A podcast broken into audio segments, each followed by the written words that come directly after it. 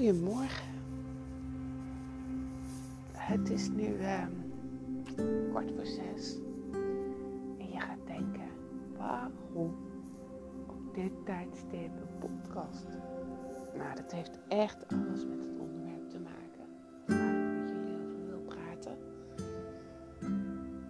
Vorig jaar, als ik mezelf vergeleek met mezelf vorig jaar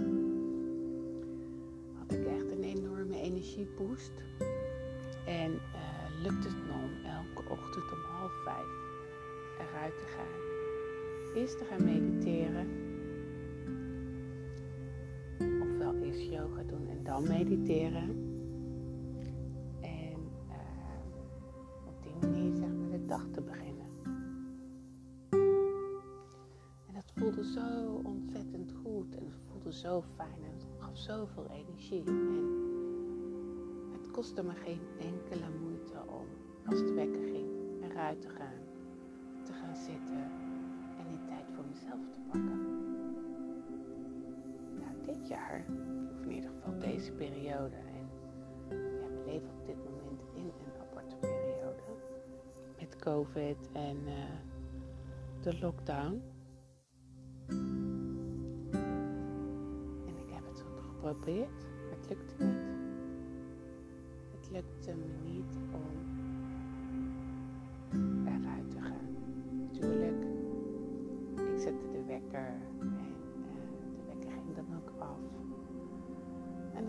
ofwel uh, geen zin of ik had een slechte nacht gehad. Oh, ik moet even gapen, jongens. En um, ik zette de wekker af en ik ging weer liggen. Wat uiteindelijk dan ook weer um, een slecht gevoel gaf.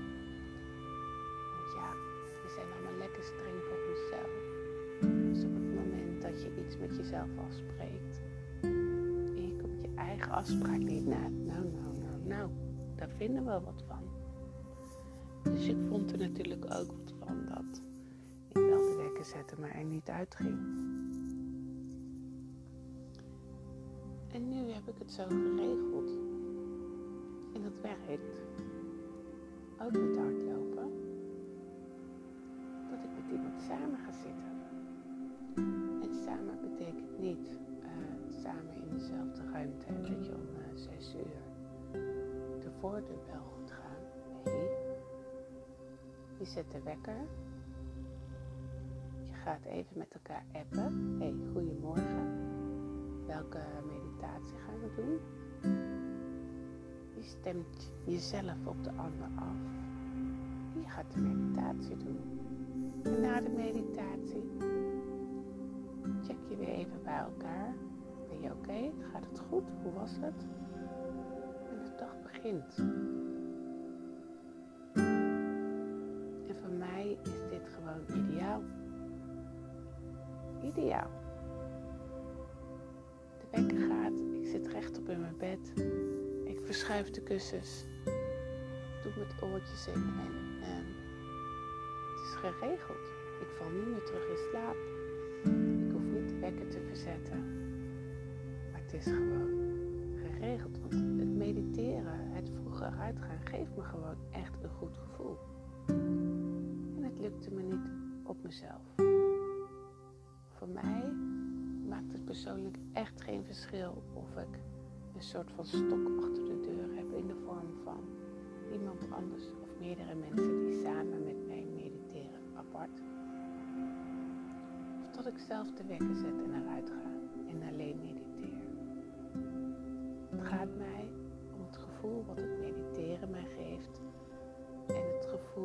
daardoor de rest van de dag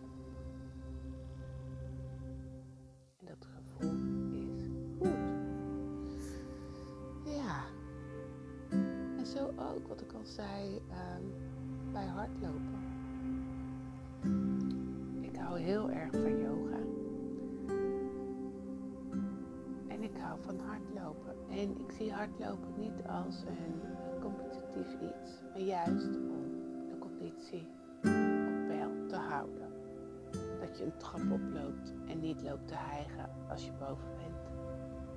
Dat vind ik fijn. Dat ik een rondje kan rennen met mijn zoontje Luc zonder dat ik helemaal uitgeput ben. Dus ja, een goede basisconditie vind ik belangrijk.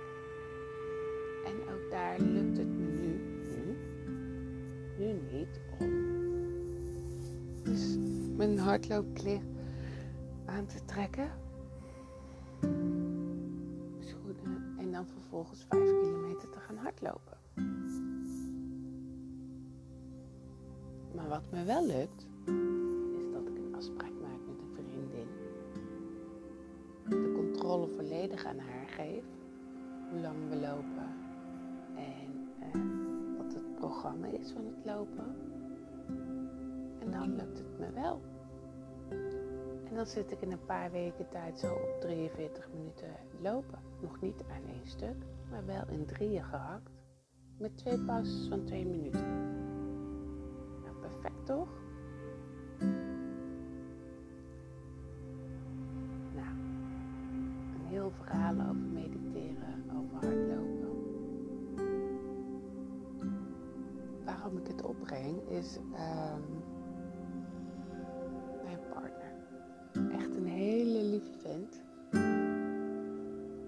Is enorm succesvol in wat hij doet. En heeft een zeer goed ontwikkeld ratio. En wat er gebeurt is op het moment dat ik dus ga mediteren met een ander of ga hardlopen met een ander. Daar vindt hij wat van. Want ja, dat moet je ook op jezelf kunnen. Met andere woorden, het is een soort van zwaktebod. Zo interpreteer ik hem. Als je dat niet zelf kan. En natuurlijk doen zijn woorden wel wat, maar aan de andere kant merk ik ook dat het me makkelijker afgaat om mijn schouders op te halen. Om zijn woorden maar even naast me neer te leggen, want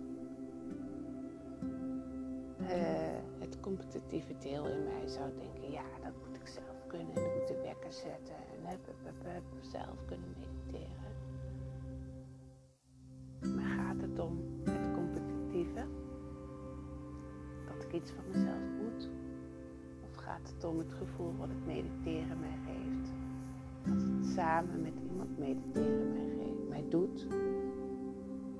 En het gevoel wat het mediteren mij in de ochtend gedurende de dag geeft?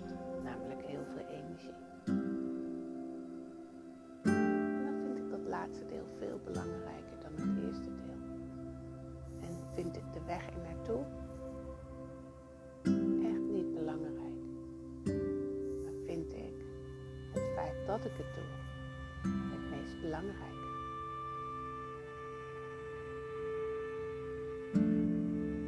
Dus ik ben wel benieuwd eigenlijk van, uh, ben ik de enige die hier zo over denkt en die dit zo uitvoert? Zeg en hebben jullie ook nog wat voorbeelden? Ik zou ze wel willen weten. In ieder geval, het is hier bijna 6 uur. Ik ga lekker mijn bed uit. Ik zet de koffie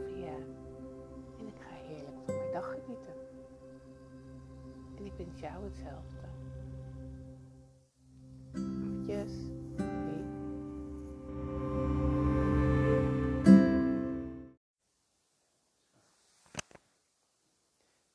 Ik had vorige week een uh, podcast opgenomen in de auto terwijl ik reed. Op een veilige manier natuurlijk. En helaas kwam mijn TomTom ertussen. Dus terwijl de TomTom zei dat ik uh, over 500 meter naar links moest, dacht ik: Oh nee, wat doet dit met mijn podcast? Dus ik hield netjes mijn mond. En vervolgens kwam weer een keer de TomTom er tussendoor. Op zo'n manier leer je wel natuurlijk uh, herkennen wanneer je wel en niet een podcast moet opnemen. Nou, geloof me, niet met een TomTom op de achtergrond. Op een gegeven moment kwam weer de TomTom ertussen en ik dacht, ik zet hem op stop. En op het moment dat hij weer uh, gestopt is met praten, kan ik verder gaan met praten. En tik ik gewoon weer op play. Nou, zo gezegd, zo gedaan. En uh, ga ik het later terugluisteren. En dan blijkt dat die TomTom helemaal niet te horen is. Dus ik had gewoon door kunnen gaan. Vervolgens zit ik te puzzelen van hoe kan ik nou die twee aparte stukjes weer aan elkaar breien. Nou, dat is me helaas niet gelukt, maar ja, zodoende leert men. En aangezien dit uh, pas de tweede podcast is, vind ik dat ik nog wel fouten mag maken.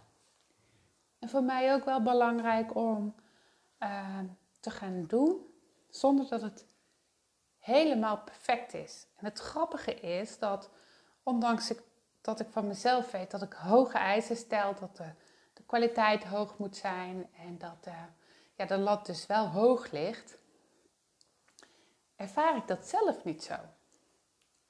En ik weet dat toen ik uh, nog werkte bij een zakelijke dienstverlener, dat iemand tegen mij uh, zei van ja, maar welk cijfer geef je je eigen werk?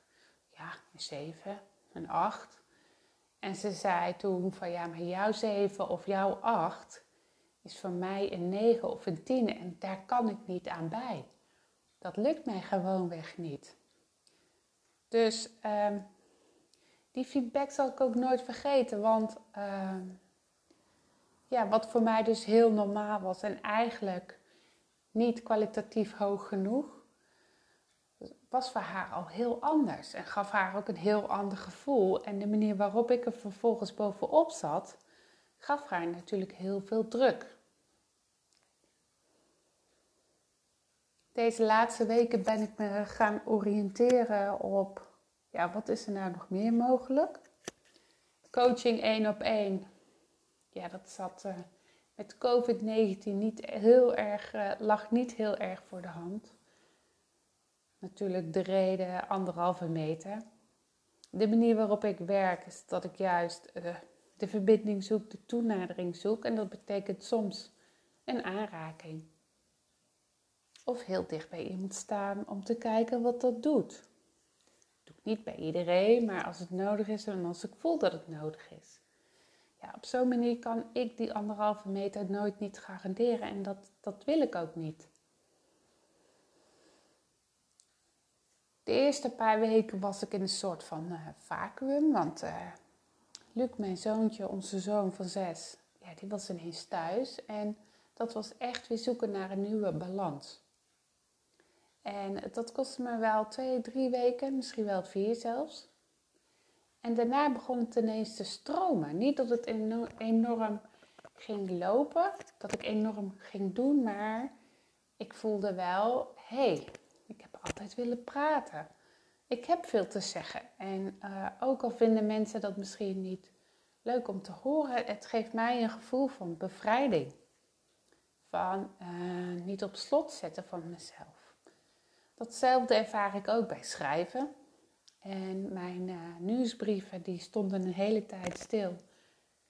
En afgelopen week schudde ik er zo twee uit mijn mouw. En met een inleiding die gewoon heel erg uit mijn hart was. Waarbij ik ook wel voel en ervaar in mijn onderbuik van... Dit is gewoon doen en op verzenden drukken. En ook nog voelen van ik ben er nog niet helemaal, maar dat is oké. En dat komt vanzelf. Vanochtend sprak ik daar ook over met mijn uh, jongste zus, die ook een eigen bedrijf heeft. En ik had een filmpje gemaakt en uh, onder het mom van Just Do It. Ook al is het niet perfect, ik zet hem wel online. Gaf zij ook aan van ja, ik mis toch nog een beetje je sprankelende persoonlijkheid. En die mag je er wat nog meer in brengen. Want uh, in ons contact ben ik blijkbaar heel erg grappig. En kan ik humor ingeven, inbrengen. Kan ik uh, op een leuke manier relativeren. En dat missen nog een beetje in mijn filmpjes en in, uh, ook in de podcast. toen gaf ik ook wel aan bij haar van ik vind mezelf wel. En zo voelt het ook van Het gaat stapje voor stapje, niet in één keer alles bam over de schutting en doen, maar dan ook perfect doen, maar gewoon stapje voor stapje doen. En dan later kun je dan heel makkelijk zien, hé, hey, dat was uh, niet zo'n uh, slimme actie, zoals de tomtom. Of dat ging eigenlijk best wel goed en laten we dat uh, zo blijven doen. Het grappige is ook dat ik deze podcast begon met het idee van ik ga vertellen over die klant. En een kennismakingsgesprek dat ik vorige week had met iemand. En ik was begonnen, na een paar seconden voelde ik al van nee, dit, dit, dit voelt voor nu niet goed. Dus ik stopte de podcast. Ik zette hem weer aan, begon een nieuwe. En ineens zit ik dit verhaal te vertellen over perfectionisme, over een 7 en een 8, over gewoon doen versus pas doen als het perfect is. En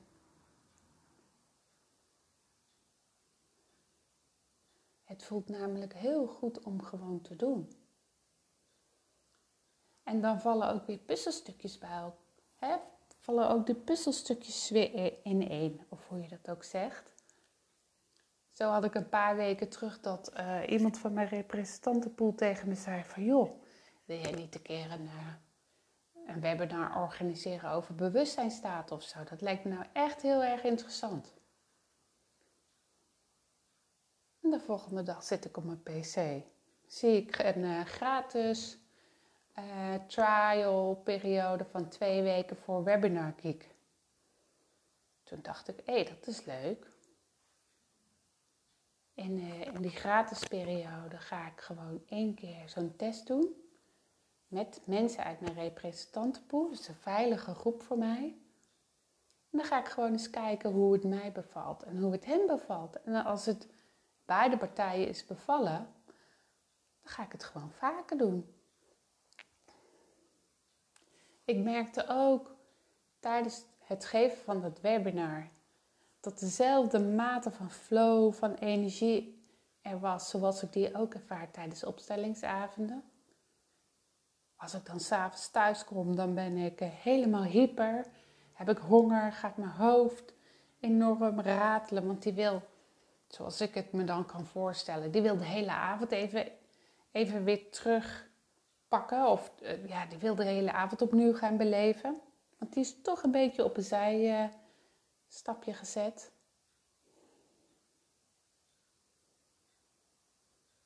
En ik deed het gewoon. En ik kreeg leuke reacties terug, maar ik kreeg ook goede feedback terug. Waar ik zeg maar het volgende webinar ook weer mee kan laten groeien. Want ook de volgende zal niet perfect zijn, maar het gaat er mij om dat als ik maar een paar mensen kan raken, een paar mensen het gevoel kan geven: hé, hey, jij kan zelf verantwoordelijk zijn voor jouw eigen gezondheid, voor jouw leven, dan is mijn doel geslaagd.